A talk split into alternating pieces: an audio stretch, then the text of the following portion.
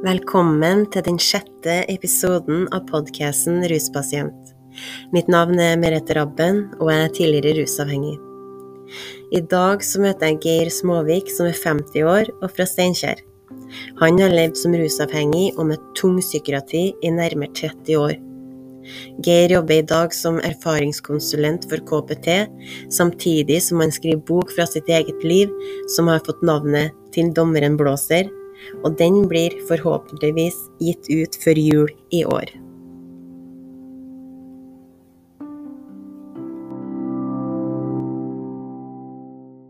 Hei, Geir. Hei, hei, Merete.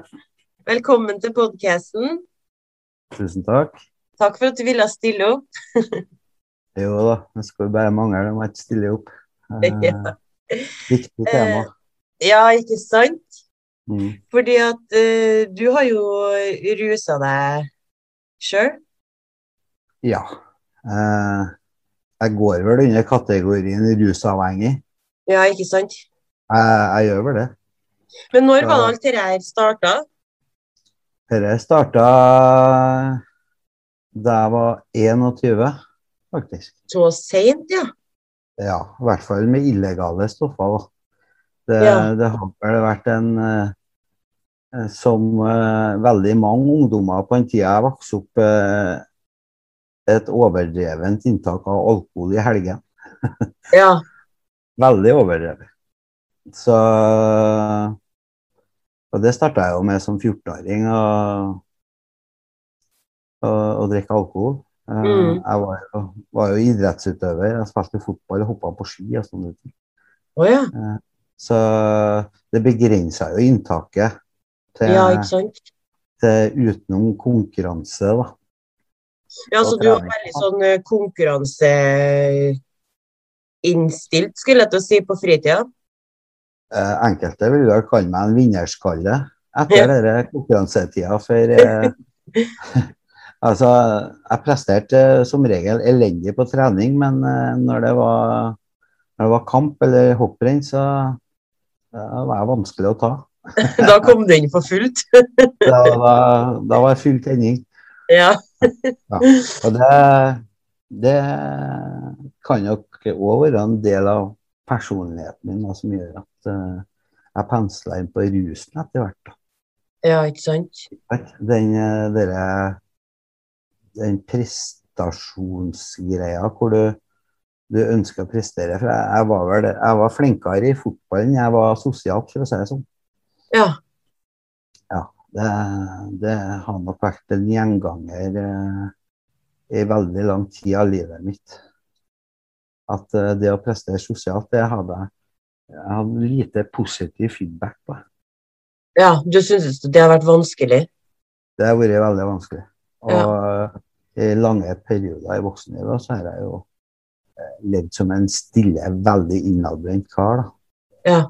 Eh, Litt av eh, tung psyk psykiatri, psykisk sykdom. Og jeg er jo paranoid schizofren.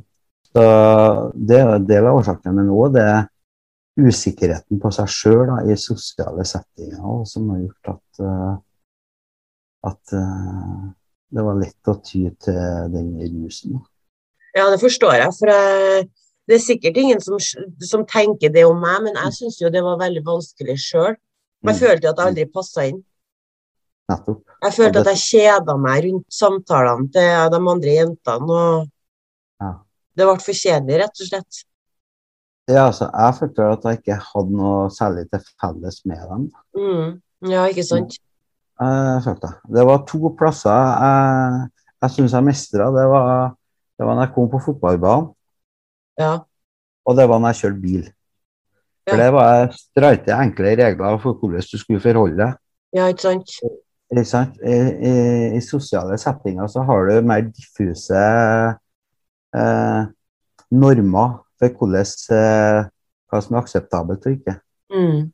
Jeg hadde eh, i, i ja, tidlig ungdom og sånn litt vanskeligheter med å finne en eh, grei måte å være meg sjøl Ja, ikke sant? Som var grei for andre òg. Ja. Så, ofte så tråkka jeg litt over grenser og sånn, og det skapa eh, utrygghet i meg sjøl. Men enn, enn, hva, hva syns du skolen og sånn, var, og de voksne, tenker jeg, var, var, var ikke noe som plukka opp hvor vanskelig du hadde det? og Hva syns du liksom om de voksne rundt på den tida? Ja, altså, jeg har jo alltid hatt eh, eh, veldig stor respekt, eh, på grensa til frykt, for eh, voksengenerasjonen da jeg var yngre. Ja. Og den dro jeg med meg egentlig langt etter at jeg ble voksen sjøl òg. Ja. Så eh, det, det, er nesten på det viset at eh, sosial angst, eller menneskefrykt, om du vil. da. Ja. Men, men, du fikk ikke noe hjelp fra lærerne? Eh, jeg fikk eh, Ikke når det gjelder sosiale, nei. nei. Så det var, følte du at det var noen som så deg? At det Var det noen som så utfordringene du hadde? Nei, det, det var ikke det. Og, og, problemene jeg hadde på skolen, og med både uh, det sosiale i timer og sånne ting uh, Der jeg var Jeg var jo stille. Jeg var ikke noe sånn mm. Jeg var ikke så veldig utagerende. Jeg var litt mer Emil-aktig, hvor jeg var uheldig med de tingene jeg foretok meg. For det var ikke, det var ikke ondt ment ting, men eh, det fikk feil utfall. Mm, så, så, men, eh, så det ble en god del kjefting, og jeg satt og mine timer på gangen jeg gjorde det. jeg bare lurer på når eh, samfunnet, og i hvert fall lærere, skal begynne mm. å skjønne at det stille barnet mm. er egentlig ikke så veldig stilt. Nei. På, på innsida. Nei. Uh, altså, jeg var jo ganske stille, det var jeg jo. Mm. Men uh, For det var jeg òg, skjønner du. Jeg var det stille. Ut, du var det? Ja. Den, men den utryggheten fikk jo utløp da, vet du, når jeg ble sint. Mm. Så, så eksploderte det jo totalt. Ja, for på en eller annen måte måtte du jo få lufta trykket, du òg? Det Ikke sant?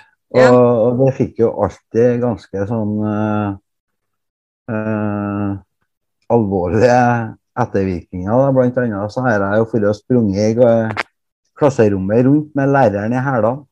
Ja, sant. Ikke sant? Og, og kasta ut på gangen med både pult og stoler bortimot. Ja. Det var jo, altså, den tida var jo ikke noe som het ADHD, og da var, da var det jo kun vanskelig. Mm.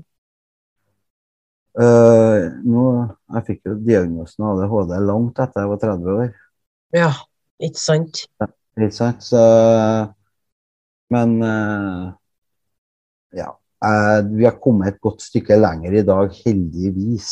Ja, heldigvis. I forhold til, i forhold til det å se Prøve å se ungene og prøve å, å, å finne løsninger for unger og ungdommer i dag som mm. er akseptable. Men fortsatt har vi en lang vei å gå, syns jeg, i forhold til det med uh, individualisme og at uh, vi får bygge på det vi kan.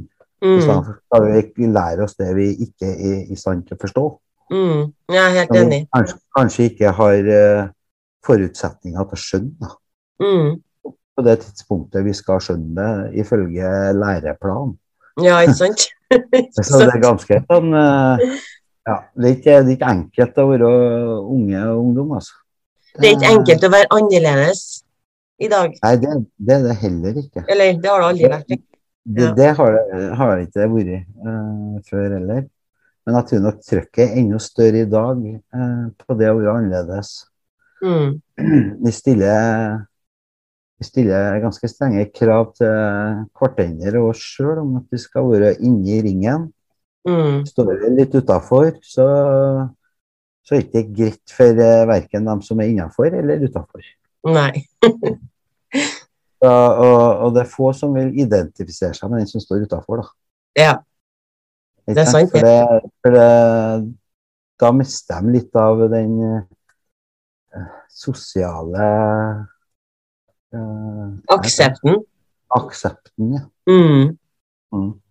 Så, og den har du jo minst like stor i dag, den gre greia med digitale medier og sånne ting. At ja, jeg tror frykten for å bli hengt ut i dag er større. Mm. Ja, det er jo, eh, de har sikkert mer å tape da, vet du, av sosiale medier. ja. Ja, det blir, det blir langt mer eh, omfattende hvis du Ja. skulle ta feiltrinn i dag kontra for eh, ja, det sånn, er 40 år siden jeg var 10 år, vet du. Mm. Så eh, den eh, konsekvensen blir mye større, da. Ja.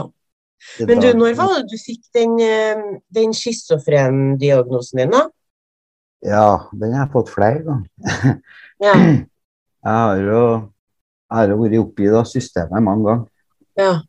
Jeg, har vært, jeg har jo vært på forskjellige sikkerhetsavdelinger. Uh, I psykiatrien uh, var jeg seks og et halvt år. Jeg, jeg var på dom da, Ja. under tvungent psykisk helsevern. Så jeg har jo vært på mange forskjellige ganske tunge institusjoner, som Dikmark, Blakstad, Brøset, eh, Lurud, på Skedsmokorset.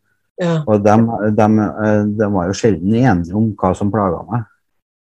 Men når var første gangen du ble sendt inn på tungpsykiatrien, da? Eller når var, hvor gammel var du liksom når de merka at oi, her er det noe alvorlig? Første gangen jeg ble lagt inn i psykose, det var i januar 1990. Ja. Mm.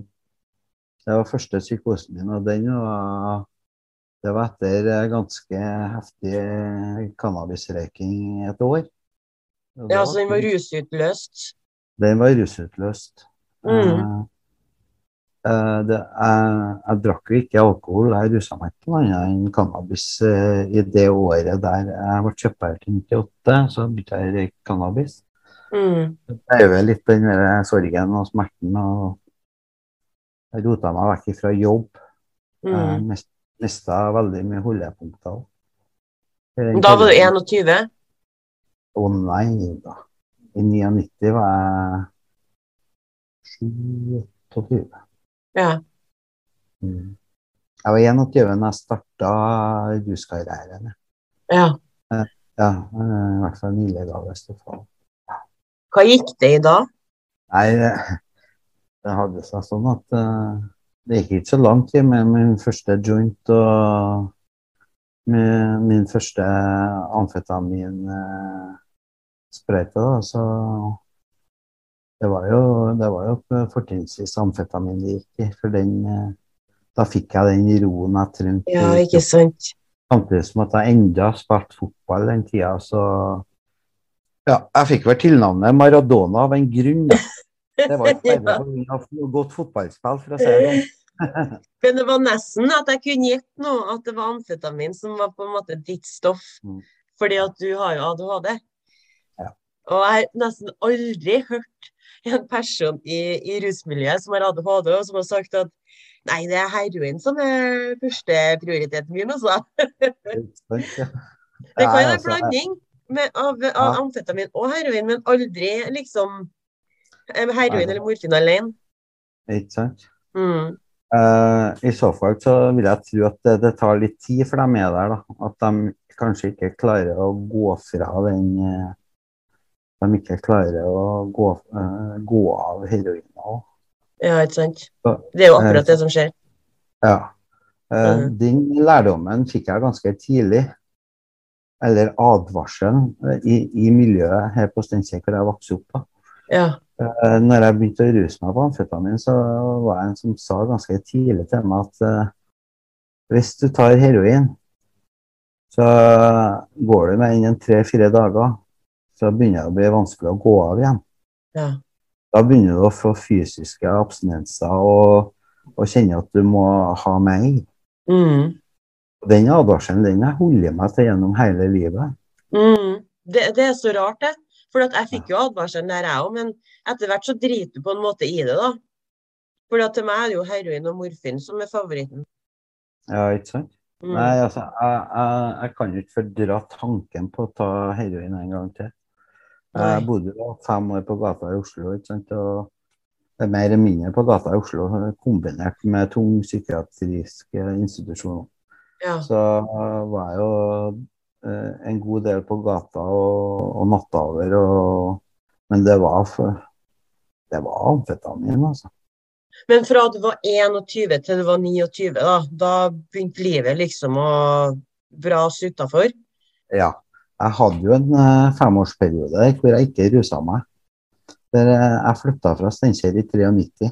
Ja.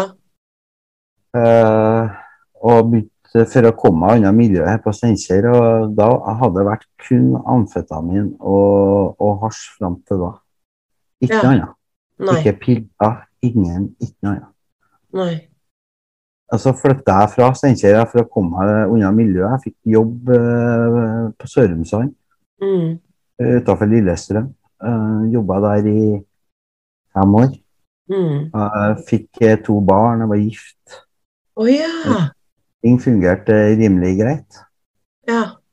Rimelig greit, sa jeg. Uh, Ja. det ekteskapet sprakk jo til slutt. Men merka du noen gang inni de årene der at psyken på en måte Kjente du at det var noe som ikke stemte? Ja. Ja.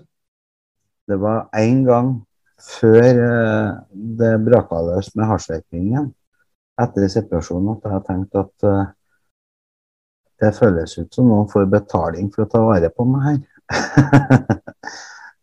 det gjorde det. Det var en sånn, eh, en sånn litt eh, massiv følelse, men det, det var bare en sånn følelse, og den forsvant igjen. Så jeg dvela ikke noe mer ved den. Så jeg tok ikke det som en sånn eh, varselstegn på at det kanskje lå noen latente psykoser her, da. For det var en reell tanke fra meg om at eh, her er noe som ikke stemmer, liksom. Mm. Men eh, jeg dvela ikke mer med det før etter, eh, etter separasjonen. Jeg begynte å røyke, og da hadde jeg røyka tett i et år. Mm. For schizofreni, vil det si at du hører stemmer i hodet? Ja, det stemmer i hodet. Skjer ting eh, andre påstår de ikke skjer. Men, men gjorde du det? Også I løpet av de Ja. årene her? Ja, ja, man da. Men du bare liksom feider bort? Eller? Nei, altså ikke, ikke før jeg fikk innleggelse av meg. Nei. For det, nei, da var jeg kun den eh, følelsen av at eh, et eller annet ikke stemte rundt meg, men jeg klarte ikke helt å sette, eh, ta tak i hva det var. Da. Ok, så du fikk med deg på en måte at det brygga opp til storm, du? Begynte å brygge opp, ja. Ja. Da var jeg separert et år, og i det året røyka jeg jo tett. da. Mm. Og det, jeg var jo helgapappa, og, og, og ting fungerte jo sånn relativt greit, da, men eh, det var jo litt røyking fordi om uh, jeg hadde ungene hjemme, og det klart det er jo ikke på kveldene etter de har lagt seg sånn, så og det er jo ikke forenlig. Ikke sant? Mm. Men etter det året så, så kjente jeg at det begynte å bygge seg opp en sånn Ja, den følelsen som jeg hadde før eh, om at eh, ting ikke stemte rundt seg, begynte å bygge seg enda mer opp. da. Det begynte å skje litt sånn rare ting rundt meg som jeg ikke skjønte. og her er, eh, Hvis dere har sett filmen eh, 'Truman Show' med, med Jim Carrey, så får dere en eh, viss innblikk i hvordan dette her fungerer. For at det er sånn at du, du føler at du er midt i en film sjøl, Mm. og er hovedperson, men Mm. ingen forteller deg om det. Mm. Det var det, første, første delen av eh, psykosen. Ja. Og så kom jo det med stemmehøring og se eh, Etter at jeg ble innlagt første gangen ja, med hasjpsykose, så begynte jeg å ruse meg på amfetamin igjen. Mm. Etter at jeg holdt opp i fem år. Og, og da begynte psykoseforestillingene bare å eskalere noe voldsomt. Jeg begynte å gå uten søvn, eh, mat, drikke Mm. Men, men i dem, så la oss si at uh, du, uh, altså du våkner, våkner opp, og så um, Ja, du, du er ikke høy på noe, da. Men så tar du deg ei sprøyte med amfetamin. Kun Mm. da amfetamin holder uh, det som skjedde psykisk, stilt i noen dager? Eller bare eskalerte med en gang du tok amfetamin? Det varierte litt. Ja. Altså, det, det holdt ikke unna, men det, det ga meg en mulighet til å skyte jeg fra, sier jeg på Ja. noe trøndersk. Sånn, ja. Mm. Men kan jeg spørre hva stemmene sa for noe, da? For at jeg vet jo at noen har spesifikke ting stemmene sier. At noen har liksom 'gå og ta livet ditt', 'gå og ta livet ditt'. Ja, dere Altså, det med uh, det psykotiske stemmene, de uh, har jo De varierer Altså, noen er positive, noen er negative. Ja. Perioder så er de veldig destruktive. Da, da, går Ja. det på det du sier at uh, nå er det på tide å avslutte her. ja. Men da hører du det klart sånn som jeg snakker til Ja. deg nå, eller? Ja, sånn eh, litt mer eh, inn i hodet, men Ja. de er tydelige, da. Jeg har, jo hørt, jeg hører, har jo hørt stemmer utenfra som kommer fra veggen og fra ja, ovenfra og, og sånne ting òg. De, eh, de er enda skumlere, syns jeg. Da, for de Ja. inni hodet kan du tenke at det liksom er eh, være litt mer i tvil om er det mine egne tanker som spiller meg et puss nå, eller er det stemmer. ja. Men eh, klart det, jeg- etter tida gikk, så ble jo klar over at det er jo stemmer som påvirker jeg her. Selv om Mm. de ikke kommer utenfra lenger, Mm. så er det jo stemmer som påvirker valgene jeg tar. Mm. Og jeg har vel opplevd begge deler, og det synshallusinasjonene de har jo vært ekstremt til tider. Men hva kan jeg spørre hva det da skjedd da, da? ja, det er noe Jeg har sett litt av hvert. Eh, en gang jeg var på Blakstad sykehus.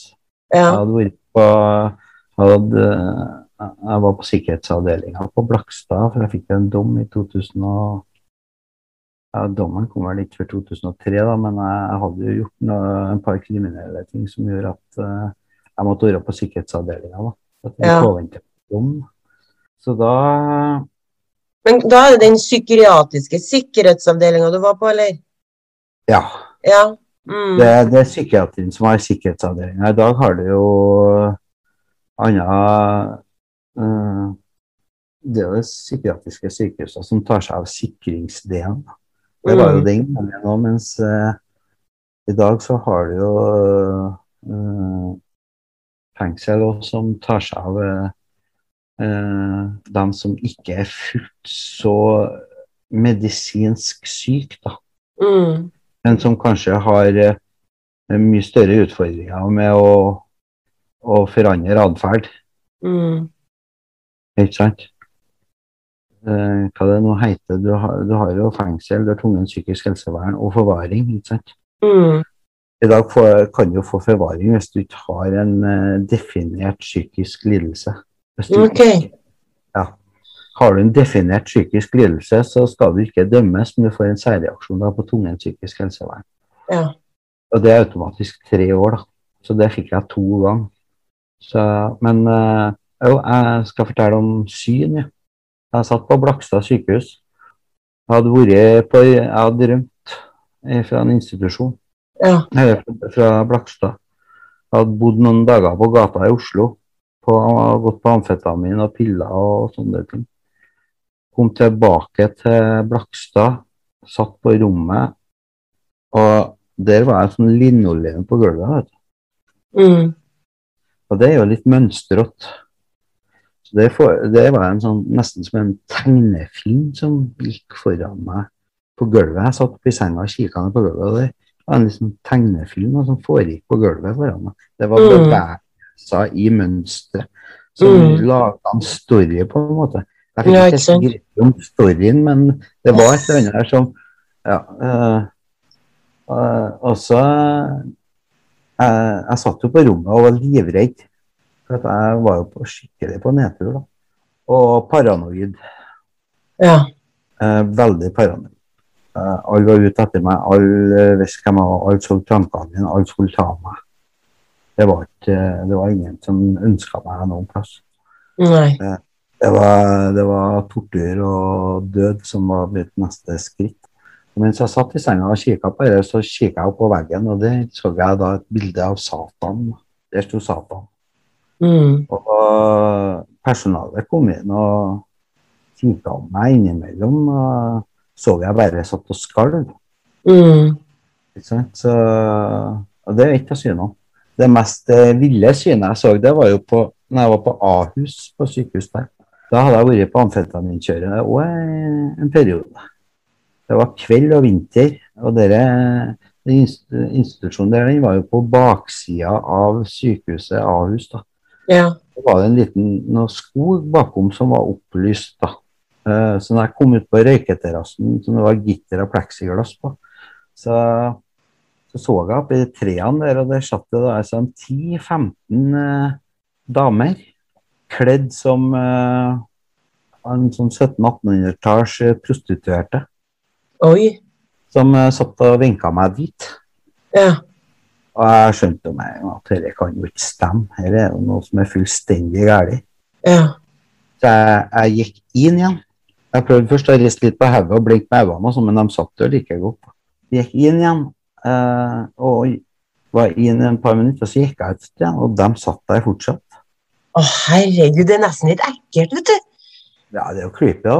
Ja. Ikke sant? Og for meg så De var dønn virkelig. De satt og Ja. de reide oppi de trærne i skogen bak, Mm. eh, bak eh, institusjonen. Og så kommer jeg går jeg inn igjen. Og så klipper jeg da tak i den første og beste pasienten jeg så. Ja. Eh, Han var heldigvis litt friskere enn meg. Så vi rusler ut på terrassen igjen. Så spør han ser du ørene der, du? For da satt de der inne. Ser du ørene, du? sa han. Ja. Jeg, jeg ser da over trærne der, sa han. Jeg, jeg snakker ikke om trærne, sa jeg. Snakker om dem som sitter oppi trærne, sa jeg. Ja, Sorry for at jeg flirer sånn. Jeg har vært i psykose en gang det- sjøl. Og jeg vet hvor vilt hodet kan kjøre deg, altså. Ikke sant? Ja. Og så, så sa han det kom gærent. Nå går vi og legger oss sammen. Der, altså. Ja. Eh, førte meg på rommet, og der sovna jeg. Dagen etter var jeg lyst, og de var borte, heldigvis. Ja. Men jeg har også opplevd at eh, det kommer hender ned gjennom hull i taket. Åh. eksempel, sånn. Gud. Sånn hånd som eh, kommer først en finger, og så kommer flere fingre ut av hullet. Det er jo Og så nesten kjem- rett ut ifra en skrekkfilm. Ja, ikke sant, så åpner hånda seg sånn. Ja. Så kommer jeg ned mot hodet på deg og skal klippe taket. Ikke sant? Og du, Mm. du bare øh, Du blir jo Men, men jeg er jo Jeg har jo kristen barnetro. Jeg må bare spørre deg nå. ja. Mm. Når, når du da ser sånne der ting, Ja. og du vet jo at du har en diagnose, men uansett, da, la oss Ja. gå litt utafor. Hva tenker du når at du ser så mye mørke ting? Tenker du at det er noe mer en plass? I hvert fall når du ser Satan på veggen og sånn. Og så tenker jeg, hvorfor ser folk sånne ting, tenker jeg, når de blir syke? Altså, eh, den troa jeg har, den eh, Om det er snakk om Gud og Jesus eller noen andre krefter i rundt oss som vi ikke er klar over, Ja. eller som ikke skjer, men som Mm. fungerer rundt oss til enhver tid, den, Mm. eh, det har jeg jo. Jeg har, Mm. jeg har kanskje ikke den vanlige barnetroa Mm. som, eh, som et barn ligger og håper på når han legger seg om kveldene eh, før han er redd for å dø og sånne ting. Mm. At han klamrer seg til et håp om at det er en gud og et liv etter døden og sånne ting. Mm. Jeg, jeg har kanskje ikke det, men jeg, jeg har trua på at det, det er muligens noe etterpå. Ja. Mm. Det det, er jeg åpen for. Ja, for jeg syns alltid det er så hustrig når jeg liksom hører eh, Når jeg snakker med folk som har tungpsykiatri bak seg, så skal man alltid se så mye jævlige ting når man er sjuk. Det var ikke så veldig gærent å se eh, 10-15 prostituerte som sitter og vinker hit. da. Nei, det, det kan jeg se på meg. Nei da, det var, det var litt fjøsete sagt. Men eh, det, det var jo mer tullerusk enn det var skremmende.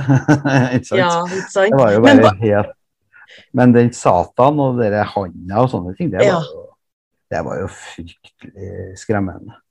Og så tenker jeg liksom sånn, når du ser at de Når du sa at de satt i trærne der, og de var ikke fra det året her, eller det årstallet her, og alle de detaljene du får da om de klærne deres og sånn, Mm. sykt hvor hodet tar det fra. Ja, du kan ikke spekulere. Altså. Hvis alle Altså- hadde forskjellig kjole og Ja, de hadde jo sånn litt sånn eh, Litt sånn småskittete rustne skjørt og forklær og, og var kledd i sånn bluser og sånne ting. Altså, det var, det var, det var reelt, altså. Ja, ikke sant? det var, det var virkelig for meg. Ja, ikke sant. Det er jo virkelig for oss. Ja. Det er jo helt sjukt. vet du. Jeg har vært på Jeg har ikke noe sånn tungpsykiatri bak meg, men jeg har vært i psykose én gang. Mm. Og du vet jo det at eh, når du har vært uh, hekta på heroin og morfin ganske lenge, så, og du ikke får noe mer, så skal du jo bli styggdårlig, sant? Mm. Men, men til meg så var, altså, Jeg gikk av så brått at jeg tror hodet fikk seg et sånn sjokk. Så det flippa over. At jeg havna i psykose. At jeg var psykisk dårlig i stedet for fysisk dårlig. For at jeg, jeg, jeg var ute og gikk og sånn. Jeg har vært i byen, jeg snakka med folk i telefon. Mm. eh, men jeg har vært helt på vidda, altså. Ja, ja, ja. Og jeg har Mm. sett ting og vært med på ting som ikke har vært sant, da. Så det er noe av det ekleste jeg har vært med på. Ja. Å miste kontroll over hodet sitt på den måten. Ja, det, det skjønner jeg. Men uh, for meg da, så er jo den psykosebiten den har jo vært ganske sånn fremtredende fra ja, fra Jeg ble lagt inn i 99 første gangen på tvang, da. Mm. Og fram til 2006 eller 2000, nei, 2007 begynte, begynte jeg å slippe taket. Så det var Mm. ganske lang tid i psykose. Jeg hadde jo perioder hvor de var litt mer distansert og fjerne, de psykosene. Mm. hvor de ikke var så påtrengende. Men uh, altså, jeg var jo i stort sett i psykose i seks-sju år, altså. Ja, sant. Sammenhengende. Og, og det verste var jo ikke stemmene og, og synshallusinasjonene. Det var ikke det som var verst. Nei. Det verste var jo vrangforestillingene om hvordan Mm. verden hang sammen. Ja, var ikke sant. Og at jeg hadde fortjent å ha det så jævlig. Mm. Og det var vel egentlig litt sånn eh, litt uh, bibelsk relatert, da, for jeg har jo, jeg jo lest en del på den tida.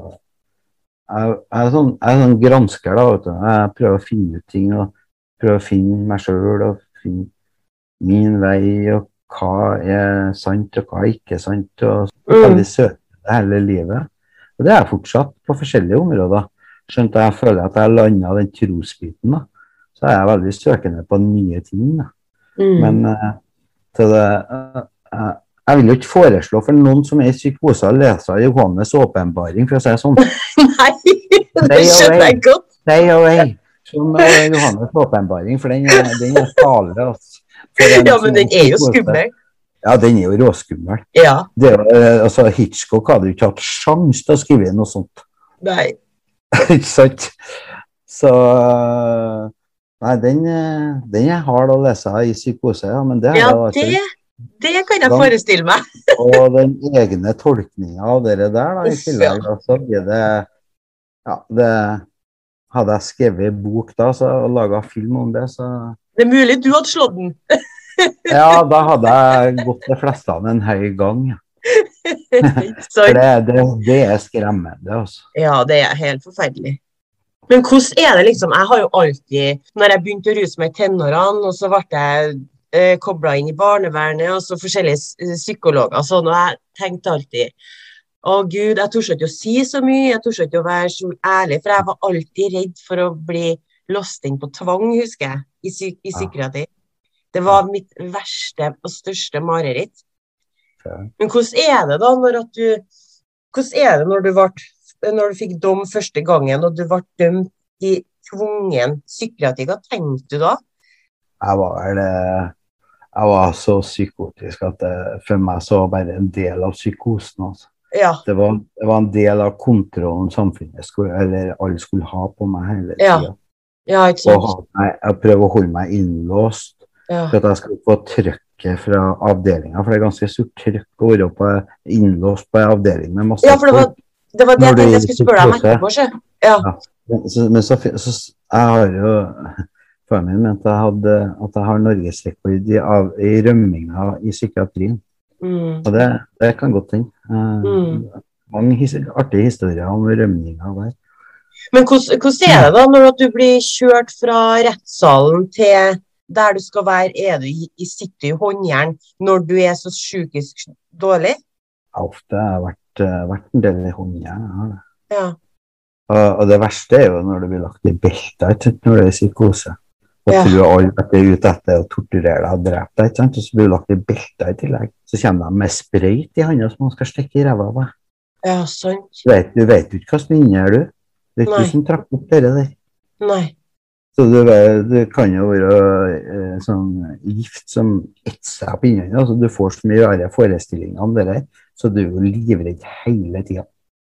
Men, men føler du da at de rundt da, som jobber med det der, er de flinke nok til å roe deg ned og sånn?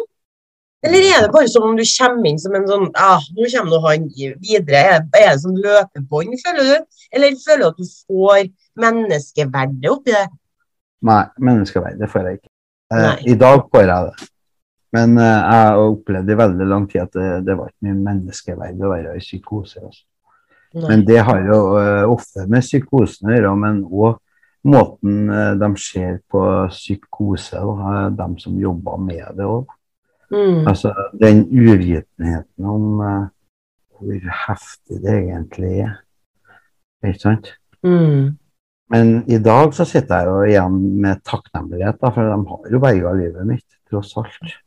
Så jeg sitter igjen med det er mye vondt og traumatisk i forhold til, men eh, jeg er i live. Mm. Og det, det hadde jeg ikke vært uten hjelpeapparatet. Uansett. Nei, du hadde jo ikke det. Jeg hadde ikke det. Men Hadde ikke eh, Og de har jo berga livet mitt mange ganger. Altså, Selvmordsforsøk. Altså, det, jeg snakker vi om å, om å henge seg og at festerik og, mm. Ja, og overdoser som, eh, som jeg har laga sjøl med heroin, som eh, var bare bøff, ikke sant. Mm. Ja. ikke sant? Så eh, her snakker vi reelle selvmordsforsøk. Mm. Eller, eller eh, høylytt eh, rop om hjelp, da. ja, sant. Det er jo det. Nei, men nei, det var ikke det. Det er det, det ikke var mer til. For at, altså, når jeg tar 900 mg Dolcontin, så er det ikke for å søke hjelp. Å, herregud! Æsj! Ja, jeg, Har du trykt i deg 900 mg? jeg, på jeg, jeg, trykte, jeg ikke, jeg spiste dem. Oh, ja, okay. Men uh, 400 var jo dødelig for meg, jeg som ikke var vant til å ta opiater. ikke sant? Så er det Ja. 400 mg dødelig. Ja. Jeg tok 900 mg, og er ikke til å spørre om hjelp, altså. Nei. Det er tar ikke da. da. på en skoghvil, da. Altså. Da spør du om hjelp. Men hvordan er det liksom Når du er innpå der, er du Låser de rommet ditt? Nei, til å, altså, de har ikke lov til å låse rommene i psykiatrien. Nei. Det, det mener oh, jeg nå kjente jeg en sånn stor lettelse. Det er uten at, de har, at du har folk sammen med deg. Nei. Men de kan legge deg i belter, men da må de også sitte sammen med deg. Mm. Så du blir sjelden eh, overlatt totalt til deg sjøl. Du har som regel folk sammen med. Men den avstanden du føler eh, mellom deg og dem som sitter og følger med deg, Ja. den er gigantisk. ja kan, kan, kan du utdype den litt? Ja, når du ligger i, i psykose i belta, f.eks., Ja. og de som skal følge med deg, sitter utafor døra di, to stykker, og lese ukeblad og prate. ja. De gikk inn til deg, prater med deg. Nei, sant. Eh, De bare ser om deg sånn. Ikke sant? Mm. Du ligger der som en sånn derre er vanskelig Hva Hva jeg skal beskrive sånn. Du føler ikke deg mye verdt da, altså. Så du føler egentlig at de burde ha sittet og prata med deg? De burde ha vært der, ja. Ja, ikke sant? Det er det jeg tenker. Ja. For det er det her jeg mener om løp. Det Altså, at, de, vis, vis at de har det medmenneskeligheten, da. Ikke sant? At de ikke sitter for pengene sin del. ja, men det er det jeg mener med løpende bånd, eller sånn løpebånd, eller hva de kaller det. At til slutt så blir folk så vant med jobben sin at de glemmer kjernen i det. Ja. De går på jobb, og så blir det en sånn derre åh, Ja, det blir ikke noe sånn Det blir en sånn dagligdags ting å gjøre. Det blir bare ja, ja, nå skal jeg på jobb igjen. Men det er ikke å gi det lille ekstra. Det glemmer vi etter hvert. det, det er nettopp det Og, og det den Men det, er det, det er forskjell fra mennesker til mennesker. her, Altså, du møter noen som er, som er opptatt av jobben sin, og som vil du føler vil deg veldig bra. da. Og det her er, En eller annen har det vært hele Ja, sånn er det overalt. Ikke sant? Som, som du føler er der for deg, men Ja. som du jeg føler deg trygg på likevel pga. psykosen. Da. Ja. Men jeg tenker at når, når du jobber på sånn høysikkerhetspsykiatriplass, da bør du virkelig være på, syns jeg. Altså. Og ikke sitte og lese Ja. ukeblad. Nei, det er nettopp det. Og den, Ja. eh, den har jeg nok opplevd altfor mye av. Ja, Så de bør jo fjerne alle ukeblad og aviser fra avdelingene, eller i hvert fall for ansatte. Når du Mm. sitter og, sitter og er sammen med en pasient. Da sitter du ikke og leser aviser. Nei, for at jeg hadde tenkt det sånn at når jeg hadde, hvis jeg hadde vært på jobb og skulle ha passa på forskjellige folk i psykose, så hadde jeg nå tatt det som en veldig bra erfaring og på en måte litt sånn kompetanseheving å høre hvert menneske sin historie, da. Mm. Eller hva Ja, de sitter og, og kjenner på eller har, ser i veggene, eller Du lærer jo fra alle som kommer inn, tenker jeg. Ja, du gjør det. Men uh, du, du blir litt sånn i trakten, tror jeg, når du jobber med sånt at uh, Ja. Altså, belastninga blir kanskje for stor. Jeg vet ikke at det burde kanskje vært flere om hver uh, pasient, da. ja. for eksempel. Eller så de har fått litt Jeg skjønner jo at belastninga for dem som jobber med tung psykiatri, er veldig stor. Ja. Altså, vi har jo en tendens til å svøle folk heil, vi, da. Mm. Vi spiser jo opp eh, folkene vi er sammen med. For at vi Ja. er så sugen på å få lindring. Mm. Så da burde det kanskje vært flere.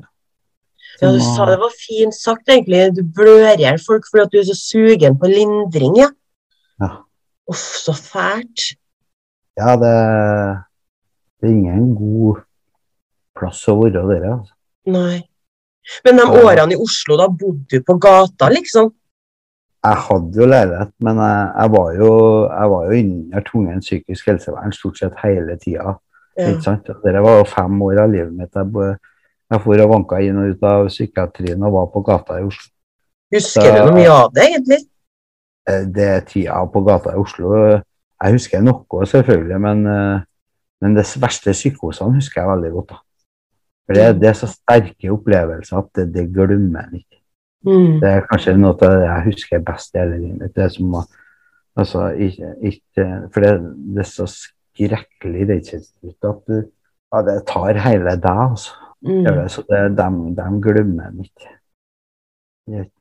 Nei, for du, du har jo opplevd veldig mye vonde ting og store påkjenninger, men oppi alt dette mølet her, da, husker du noe spesielt fint du har opplevd? Noe som har satt spor, noen du har møtt, eller noen som har gjort noe for deg, eller Ja, ja. Jeg husker det er mye fint. Jeg husker en god del artigere episoder.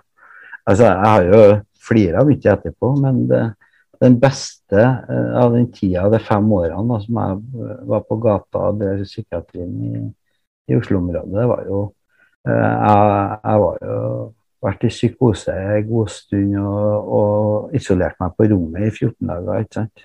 Mm. Og, mm, og fikk røyk på rommet, jeg fikk mat på rommet. jeg fikk eh, de, det, Da skjønte de at jeg trengte å gjøre for meg sjøl. Mm. Og, og låta 'Grava meg ned' med Terje Tysland gikk på repeat.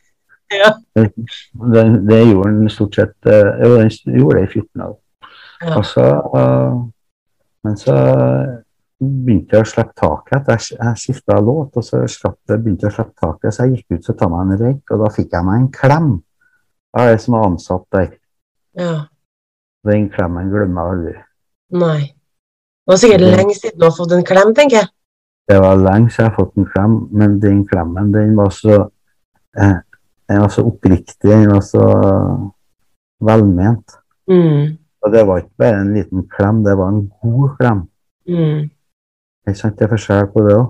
Mm. Gi noen en klem, og så virkelig gi noen en klem. Mm. Det er stor forskjell på. Da, da fikk jeg den klemmen. Altså. Mm.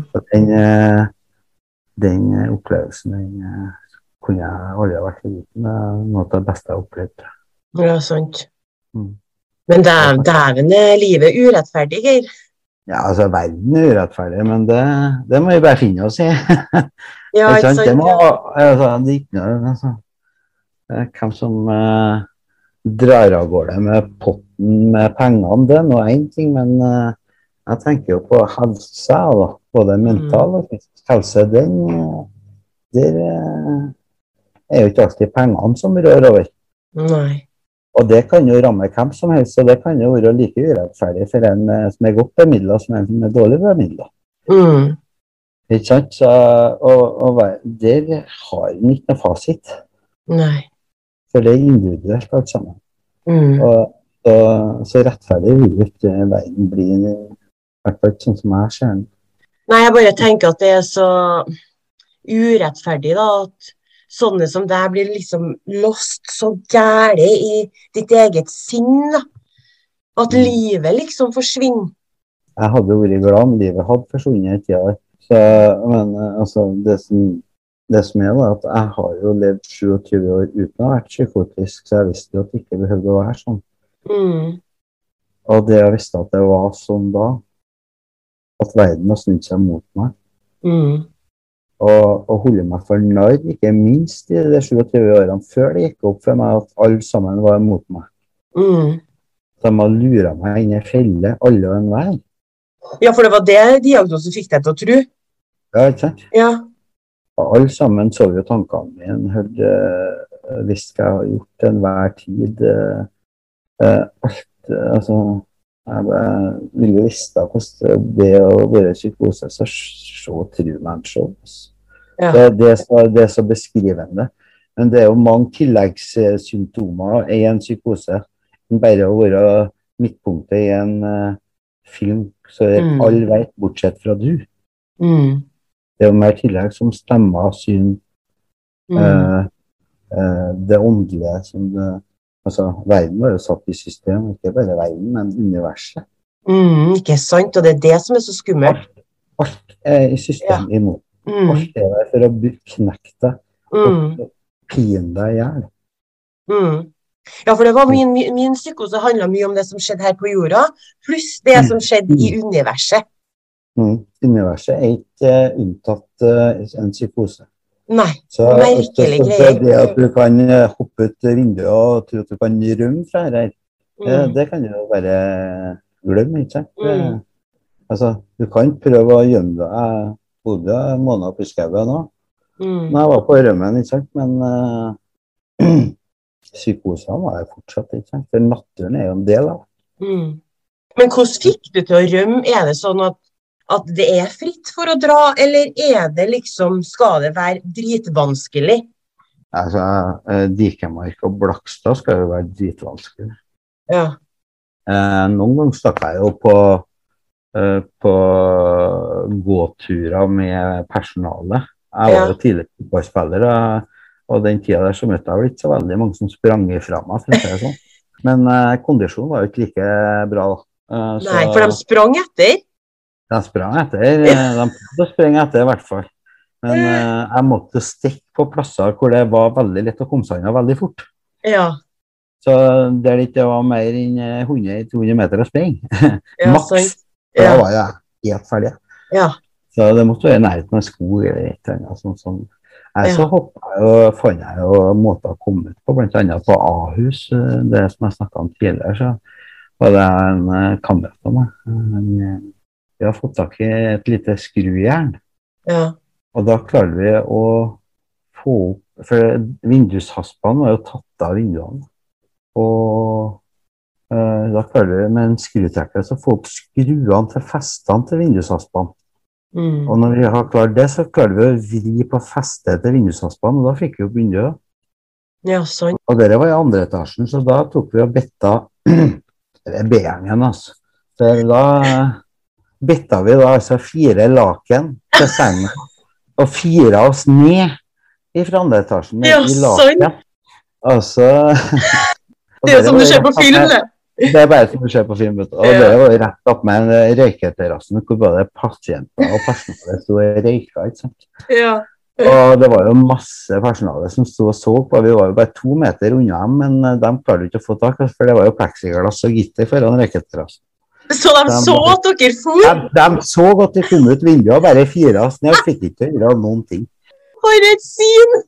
For et syn jeg måtte ha vært. Og så, og så gikk alarmen, da selvfølgelig. Det var jo fire avdelinger der. Så vi fikk jo personale fra fire, fire avdelinger etter oss da inn på sykehusområdet. På, Oi, oi, oi. Var det noen veltrente menn der som tok dere igjen, altså? Eh, nei, vi, vi var det, det som er fordelen med å være på et ordinært sykehus, er at det alltid står en taxi der. Ja, sant? Så vi, vi hopp, tok og sprang inn i en taxi og hoppa inn på hver sin dør på bak, bak i bilen der, og så la vi oss ned, da. Så personalet for å svira rundt der og kikka, ikke sant. Og så, Ja, Begynte ikke å lure han taxisjåføren, da? jo, men altså, jo, han gjorde over det. Og så ser han jo de folkene som får springe, og vi ligger der, og så ser han kompisen min sånn stille av vet du, til taxisjåføren. Kjør oss til Oslo! Og det gjorde han! ja, det gjorde han. Det vært noen dager på rømmen igjen, da.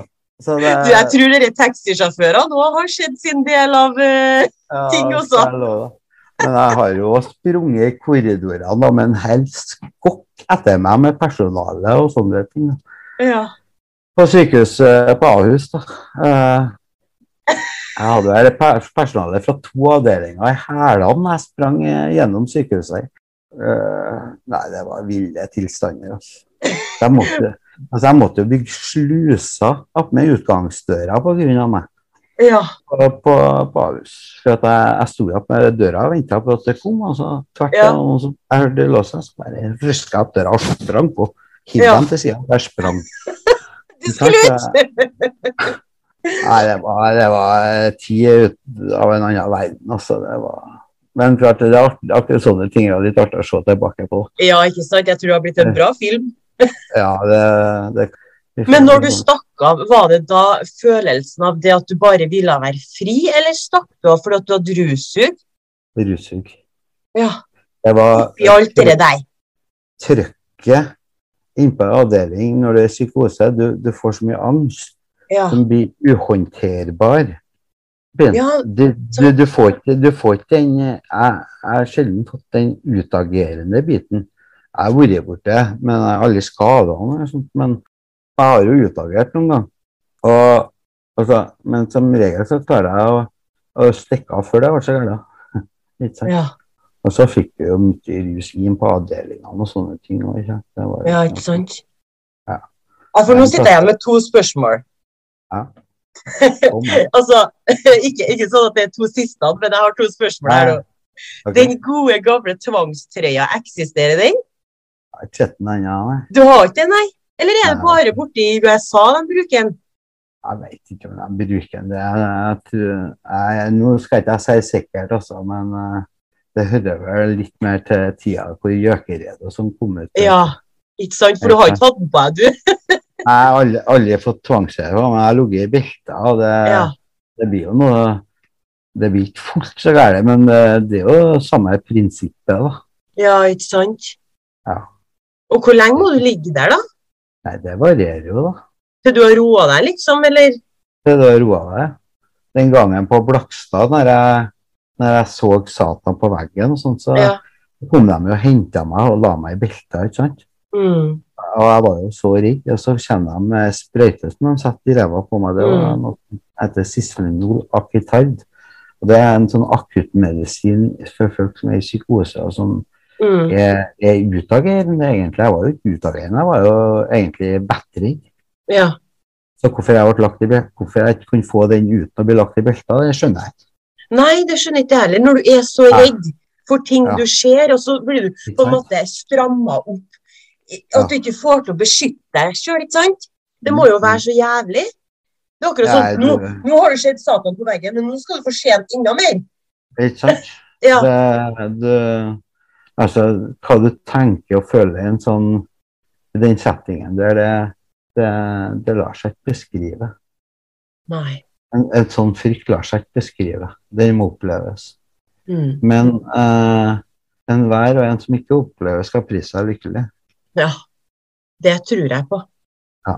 Og ta sjansen på å oppleve det, det, det tror jeg ikke jeg, jeg vil være med på. Nei. Ja, så var det andre jeg lurte på. Det var, eh, hvordan syns du at, eh, at det å være Å ha så tunge diagnoser, og Mm. pluss ha et rusproblem oppi her, hvordan syns du systemet Ja. håndterte det?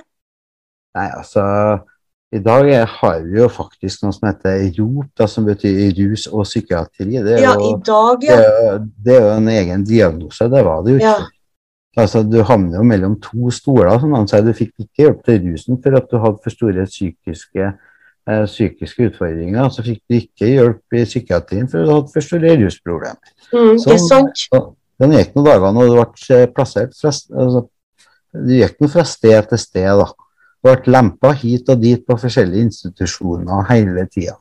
Ikke sant? Og ingen Mhm. fikk noe grein på deg, for de, de, ingen som visste hva de skulle gjøre. Mm. Det er ingen som har noe kunnskap om det.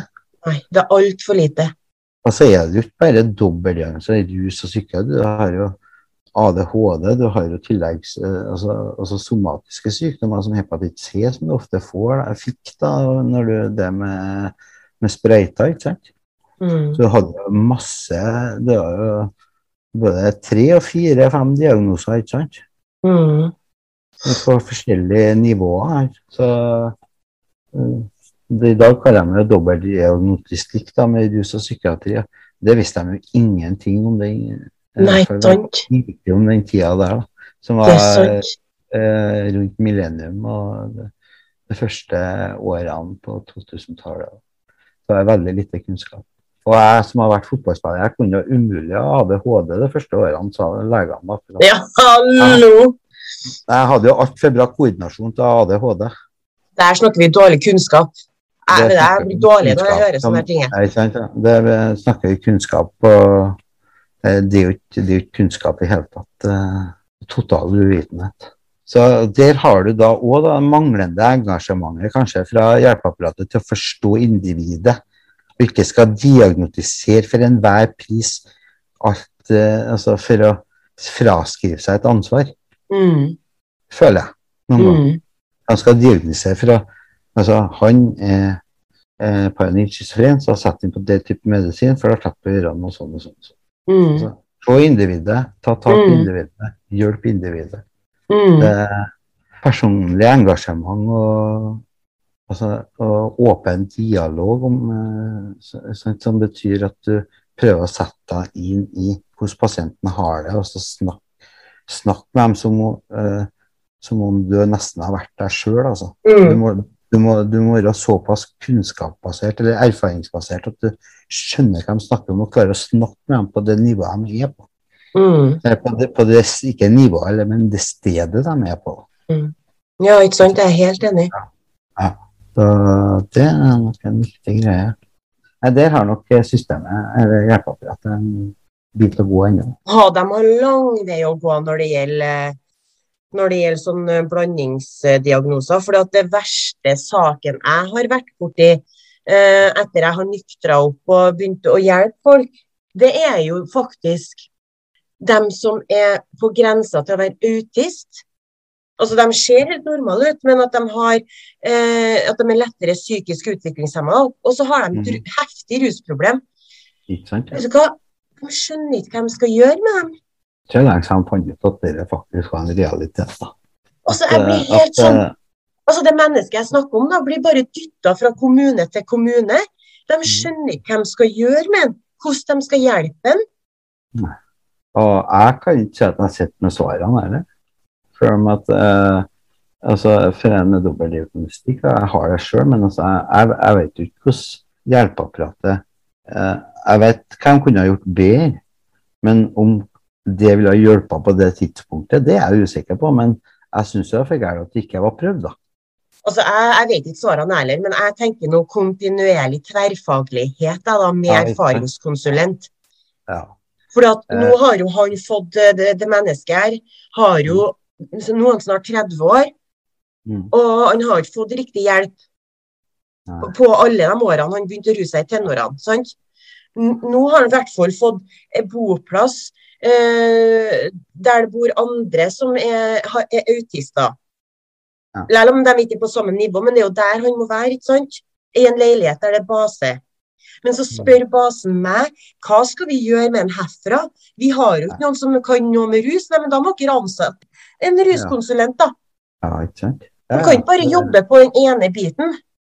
Nei, og det, det der eh, Jeg har jo vært på en del eh, seminar og hatt innlegg og sånn sjøl òg. Mm. For det med altså det å bo og, og ha nødvendig hjelpeapparat rundt seg, Mm. det er veldig vans vanskelig. Mm. Det er veldig, veldig vanskelig å få eh, u, eh, ikke, ikke eh, utdanna, bare utdanna folk, men folk med den kompetansen som skal til for å forstå en dobbeltdiagnose. Mm. Altså, det er utrolig vanskelig å finne. Mm. Det er nesten, vil jeg påstå, umulig å lese seg til. Mm. Hvordan du skal hjelpe en med dobbeltdiagnose.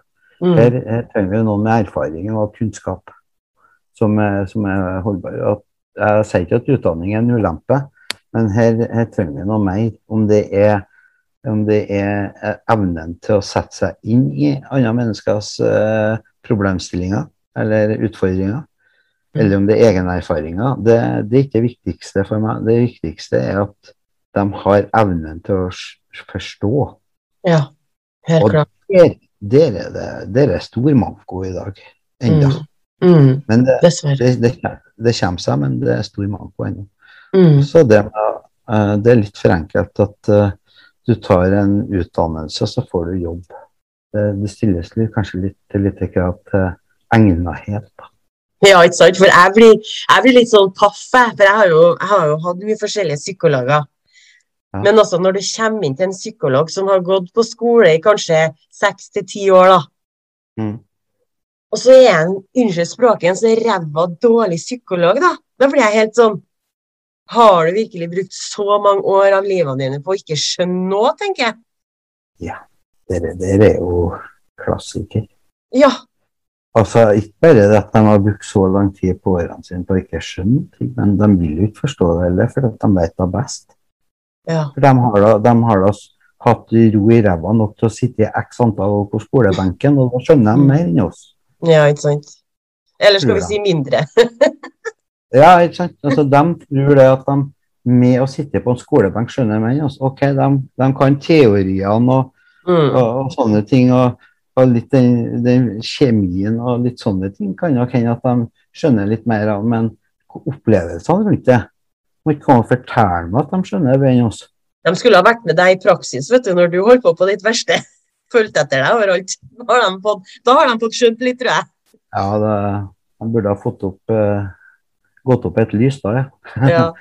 Det, burde det men altså eh, den dag i dag, altså, selv om hjelpa er bedre og, og det kommunikasjonsformene har blitt bedre og sånne ting, og, og kravet til engasjement kanskje har blitt litt annerledes, så, jeg syns nok at vi kan engasjere oss mye mer.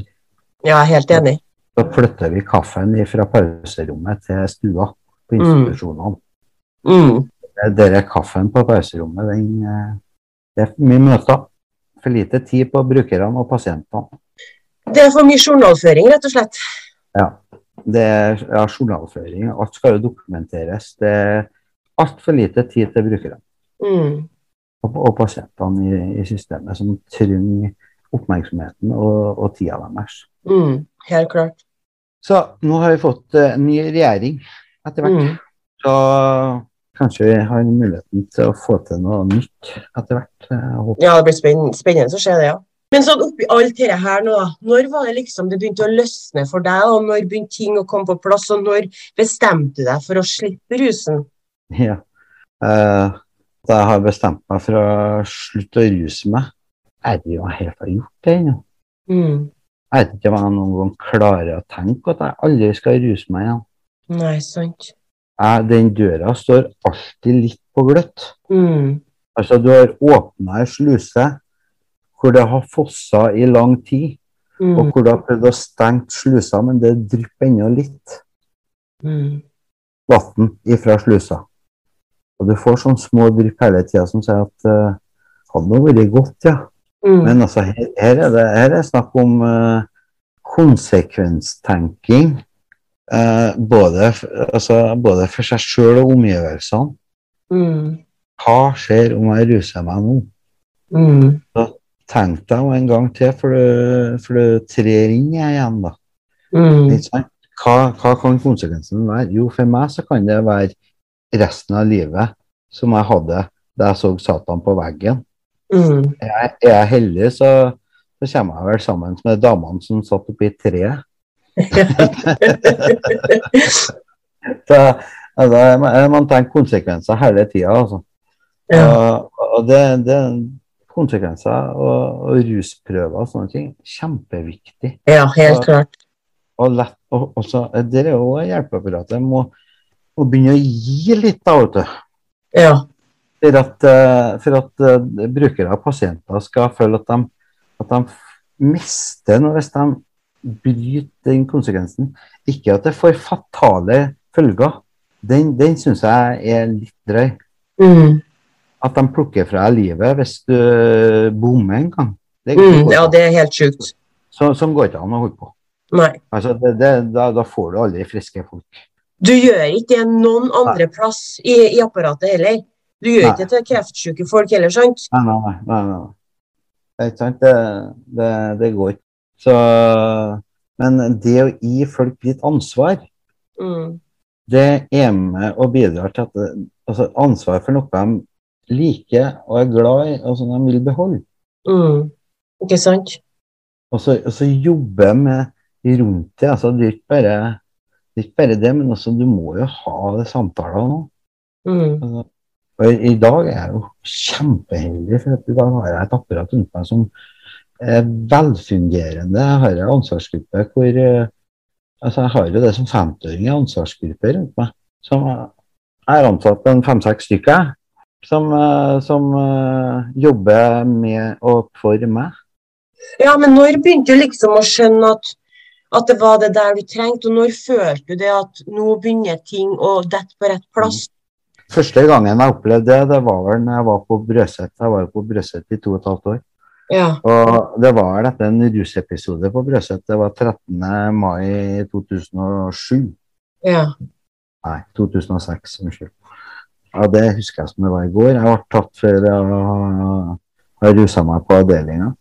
Eh, det å være på Brøset var rimelig tøft. Eh, så jeg fikk beskjed om det at hvis jeg ikke slutta å ruse meg nå, så kom jeg aldri til å komme ut av Brøset. Det var beskjeden jeg fikk. Mm.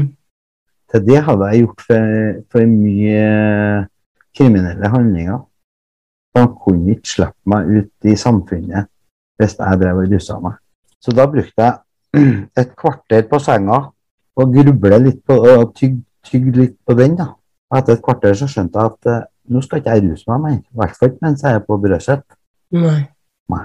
Da brukte jeg et kvarter på å bestemme meg. Ja. Dette går ikke, for det har jeg ikke tenkt å være i. Og det var første opplevelsen med å ha kontroll på rusen. Det er faktisk jeg som bestemmer rusen, det er ikke motsatt. Mm. Men forutsetningene må ligge til stede for at du skal skjønne det. Mm. Og det å skape de forutsetningene for rusavhengige, det er det det handler om. Mm. Jeg er så enig. Ja. Det er det som er jobben til hjelpeapparatet. Skap forutsetninger for Mm. hindring. Ikke gå på person. Ikke sant? Mm. Det, det er litt tilbake til altså, Skap ting. Eh, gi dem ansvar for ting de bryr seg om, og som de er glad i, og som de ikke vil gi slipp på. Mm. Altså, og, og det må være lov å prøve å feile litt. Og det har jeg fått muligheten til nå, da. Etter, etter, etter brødsøtida. Jeg har vært mye rusa etter det, og vært på det kjøret mange ganger etter det òg. Men eh, drømmen om å bli ruset, ja, altså, den har jo alltid vært der. Mm. Det har vært et sånn livsprosjekt det å bli rusfri, og, det er det jo. Ja, det er jo det. Ja, det er det. Vi blir jo ikke ferdig med det, skal jeg si. Ja. Vi er aldri ferdig med det. Som at, at jeg har ikke kommet til det punktet at, eh, at jeg kan si at jeg aldri i verden skal ruse meg igjen. Men målet mitt er at jeg aldri skal gjøre det. Mm. Jeg kan ikke med hånda på hjertet si at det kommer jeg aldri til å gjøre.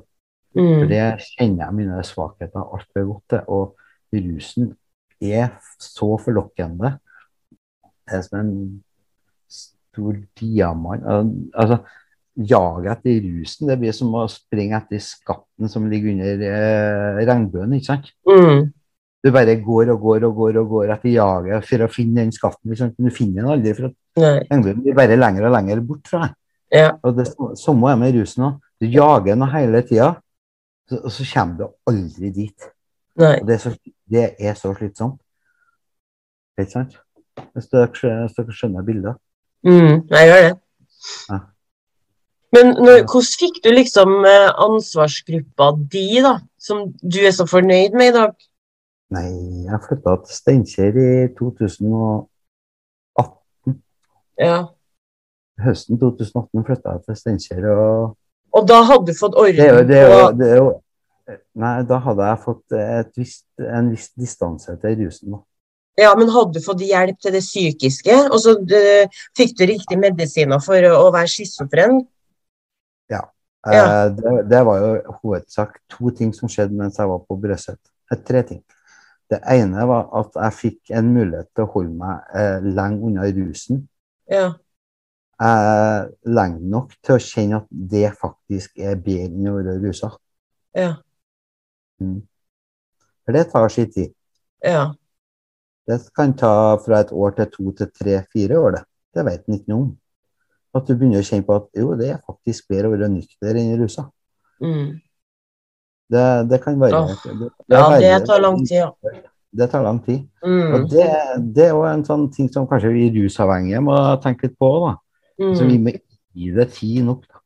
Men det var det første som skjedde på Brøset. Det andre var, som skjedde på Brøset, det var at jeg fikk eh, i den til slutt ferdigdiagnotisert eh, paranoid schizofren og ADHD, Mm. og og medisinert ut fra det. Ja. Det, det roa veldig å få ADHD-medisin og Mm. antipsykotisk medisin. Mm. Det, da begynte jeg å føle at nå begynner jeg å gå seg litt til. Og i Mm. tillegg så jobba de veldig godt med det å skape interesser.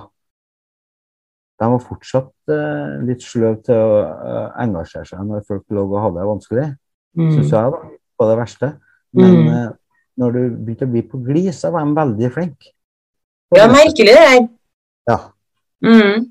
Jeg opplever det sjøl. Ja, du har det. Altså, Mm. det, det å ha det kjempetungt, det er vanskelig.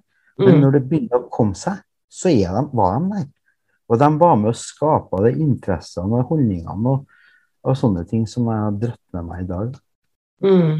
Jeg, så det var også så det var en fjerde ting. Jeg gikk sinnemestring, og det var veldig, veldig lærerikt i forhold til det med kognitiv tenkning og sånne ting. At eh, så tenk dem før det handler en gang til. Før du gjør noe. Bare ta det der halvsekundet tar å tenke seg om Mm. en gang det før du gjør noe. Mm. Så du, du får en tanke og en følelse, så det handler liksom Men Før du handler, tenk deg om en gang til. Hvor lurt er det her? Kanskje Mm. hvis jeg gjør det. Og den, det med kognitiv terapi, det er Når folk skjønner, så er det enkelt og greit å forholde seg til. Mm. Men, men altså, den, akkurat den finurlige sirkelen der da, med tanke, følelse, tanke, handling. Hold seg til den snakken tanke, følelse, handling. For handler du ut fra følelsene dine hele tida, så har det en tendens til å gå litt på tverka. Altså. Ja, ikke sant. Mm. Jeg bare, jeg bare er så sjokkert over at det tok så mange år før du fikk ADHD-medisin og den diagnosen der. Ja, men altså, når jeg fikk diagnosen, så var det jo sånn at ingen som har rusa seg, fikk ADHD-medisin. Nei. Var i hvert fall beskjeden jeg fikk da, om det var sånn, det er jo mer- usikkert. Mm. Men uh, ja. Jeg fikk jo beskjed da jeg fikk diagnosen at det får du aldri medisin for fordi du har rusa. Ja, sant. Snodig. Ja, så da begynte det å gå bra etter hvert, da, heldigvis. Ja, altså det ble eh, sådd en del frø på Brøset som eh, begynte å spire etter noen år. Mm. Eh, det med rusfrihet og sånne ting. Altså, og jeg, jeg merker jo det at jo lenger jeg holder meg bort fra rusen og engasjerer meg mer i eh, samfunnsting, da, Mm. så jo bedre er livet. Ja, ikke sant. Altså, du får etablere nyktre vennskap som ikke påvirker deg negativt. Mm. I, I dag har jeg jo en hel altså Jeg bruker så mye tid i telefonen på å holde kontakt med folk. Mm. Og alle jeg har kontakt med, har en visjon i livet mitt. liksom. Mm. Jeg har bruk for dem, og forhåpentligvis så har de litt bruk for meg òg. Ja, ikke sant? Ikke sant? Og, så det å gi og få, det, det er greia å by på seg sjøl. Ja. Ikke, ikke prøv å ikke være så engstelig for om du er bra nok eller ikke, for det er vi alle. Ja. Ikke sant? Og selv om ikke alle setter like stor pris på det, så dem som gjør det, de setter eh, sannsynligvis veldig stor pris på det. Mm. Så forhold deg til dem. Ja, ikke sant? Det er alltid noen onde tunger i samfunnet, og vi er ikke enige om alt noen. Så noen uenigheter vil det være om alt. Så her er om ikke ta ting personlig og by på seg sjøl og Mm. eh, Enn at du sitter og sier dette her nå, det er jo helt fantastisk. Ja, det, det er jo det. Jeg Ja, det er det, altså. For uh, 20 år siden hadde hadde ikke fått meg til å sagt et ord på en podkast, det skal jeg love deg. Så Så, ja, jeg ser jeg for meg den, ja. sant? Da lurte på hvorfor i all verden skal du for å ta rotta på meg. men- Ja, ja. Men du har jo et ganske stort prosjekt på gang nå, Geir. Eller er, det prosjektet snart ferdig? For du har jo skrevet din egen bok. Ja, nå er Og hvordan begynte egentlig det? Ja, det tør jeg nå nesten ikke å si heller, da. For at eh, det starta jo med en joint. Ja. Eh, Jeg satt og, og fantaserte litt. Jeg hadde jo hatt folk som har sagt til meg at eh, du burde jo skrive bok og sånn, men så satt jeg og røyka sammen med en kompis for noen år siden, og så tenkte jeg Ja. at eh, dæsken ta det. Jeg har vært og skrevet en bok, og jeg har nå opplevd et eller annet som kanskje har vært verdt å skrive om. ja, for at du får bare den episoden her, den episoden her har jo vært kjempebra hittil. Og jeg bare jeg kan Ja, tenke meg hvor mye mer det er. Ja, det Men altså, det boka det blir, ikke, det blir jo ikke noe verk det er snakk om her. Det blir en ganske liten bok, men den er basert på historier som jeg har opplevd, og som skal liksom være en sånn Det, det, det separate historier som fortelles, da. Ja, OK. Som liksom skal u, u, bli eh, liv, et helt liv, da. Men imellom alt det så har det jo skjedd Jeg har vært gift tre ganger. ikke sant? Jeg har jo fire unger, to barnebarn. Mm. Jeg har vært fotballtrener, så det skjer mye mellom de episodene i boka som ikke er med der. da. Ja, sant. Dit vi har kommet foreløpig. da. Eh, akkurat hvordan ferdig resultatet blir, det er jeg litt usikker på. Men eh, det blir jo mest eh, snakk om eh, litt barndom, oppvekst, overgangen til rus, psykiatri og veien Mm. dit igjen. Ja, ikke sant. Det, det, det er vel hovedet. Det, Men målet er at den skal være utgitt i år, eller tror du det blir på nyåret? Ja, vi håper det. Krysser Ja. fingrene for det. altså. Eh, målet var egentlig 24. april på 50-årsdagen, men eh, den sprakk. Ja. Ja, men eh, det er 24. april neste år. Da. Mm, det er det. Nei, nei da, men eh, vi håper at eh, det kommer ut i løpet av året. Ja. Det er det som er målet. Så- Ja, for du, du har ikke bestemt deg for tittel og sånn ennå? Jo da. Den eh, boka eh, For jeg tenker Hvis folk i ettertid hører denne episoden, her, kan, hvordan kan de finne boka di? Altså, hvis dere går inn på Facebook det, Ja. Der er det ei Facebook-gruppe som heter 'Til dommeren blåser'. Ja, Og det er da altså tittelen på boka mi. ja, ikke sant? 'Til dommeren blåser' det har litt med fotballterminologien å gjøre. Ja. Det har med øh, øh, psykosen Det at øh, når dommeren blåser, så jeg, da kommer de og henter meg. Da er tortur, lemlestelse og død. Ja. som står i vente. Og så har du eh, å stå på til dommeren bles. Aldri gi opp samme pokkeren hvor mørkt ting ser ut. Mm, Aldri gi opp. mm. Det burde jeg gjort for lenge, så er det sikkert mange som har tenkt, men eh, det kommer seg da altså ikke til å gjøre. Nei, Det sant. Mm. Det, det, det, det, det er faktisk en suksessfaktor å tenke at jeg skal Mm. gi meg samme hvor tungt det ser ut. Mm. Og det er utrolig hvor mye styrke man får ut av å leve i et sånt her helvete. Altså, eh, misforstår misforstå meg rett nå. For meg så har jo historien min borti eh, redninga, Mm. for å si det sånn. Ja, ikke sant? Både når det gjelder forståelse og altså, kunnskap og, og livsvisdom, Mm. så vel som eh, det eh, relasjonelle og, og, og, den, og det sosiale. ikke sant? Det å by på seg sjøl. Folk er engasjert i meg. Jeg føler Når jeg bor på Steinkjer, så kjennes det ut som det er en hel by som holder meg i ørene. Mm. De er Mm. så engasjert i det jeg holder på med, og sånne ting, at det er kjempeartig. Ja, men, men hvis de går inn på Facebook og, og så leser, og så søker på 'Til dommeren blåser', så, jeg, og så kan dere spørre om å bli en del av gruppa. Det får dere som små drypp fra boka. og der, der Boka kommer forhåpentligvis ut i ja, kanskje november, hvis det er heldig nå. Mm. Ja, jeg gleder meg. Ja, det gjør jeg òg. veldig, veldig spent på, på responsen der, da. Ja. Ja, men som sagt, det, det blir ikke noe sånn stort verk her. Det blir jo ganske lita bok med litt bilder og litt sånne ting. òg. Så, men, eh, men det er mange bra historier inni her, det kan jeg love. Og folk vil nok bli satt rimelig ut av spill når de skjønner og får et totalt innblikk i hvordan en psykose kan være. Mm. For det, Mm. det vil de få der. Mm. En veldig nøyaktig opplevelse av å være i psykose. Ja, sant. Jeg tror det er så viktig. Jeg, tror du må være stolt av verket ditt uansett om det blir stort eller lite. Du, uh, det er jo helt fantastisk. Ja, bare, bare å ha en bok etter seg. bare Mm. det er jo helt viktig? Ja, ikke sant? vært på bånn i så mange år, så skal du plutselig få en bok etter det. Ja. Wow! ja, det er jo helt fantastisk. Det er altfor litt til meg, men det er veldig artig. Men Geir, vi er ved veis Ja. ende. Ja, Tusen takk for en Vet du hva, jeg, jeg sitter igjen og er nesten sånn sjokkert over den episoden her. For at jeg, altså, jeg tror den blir så bra.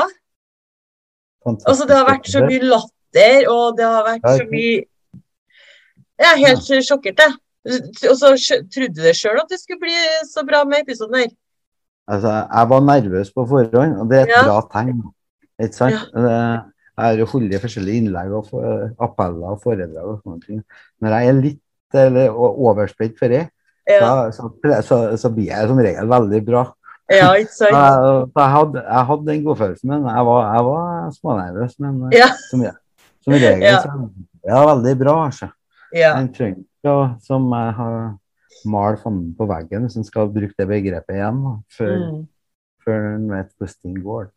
ja, sant. Det var veldig trivelig, Merete. Det- Ja, i like måte. I like måte. Men du får ha en fin dag videre, så snakkes vi. Det gjør vi.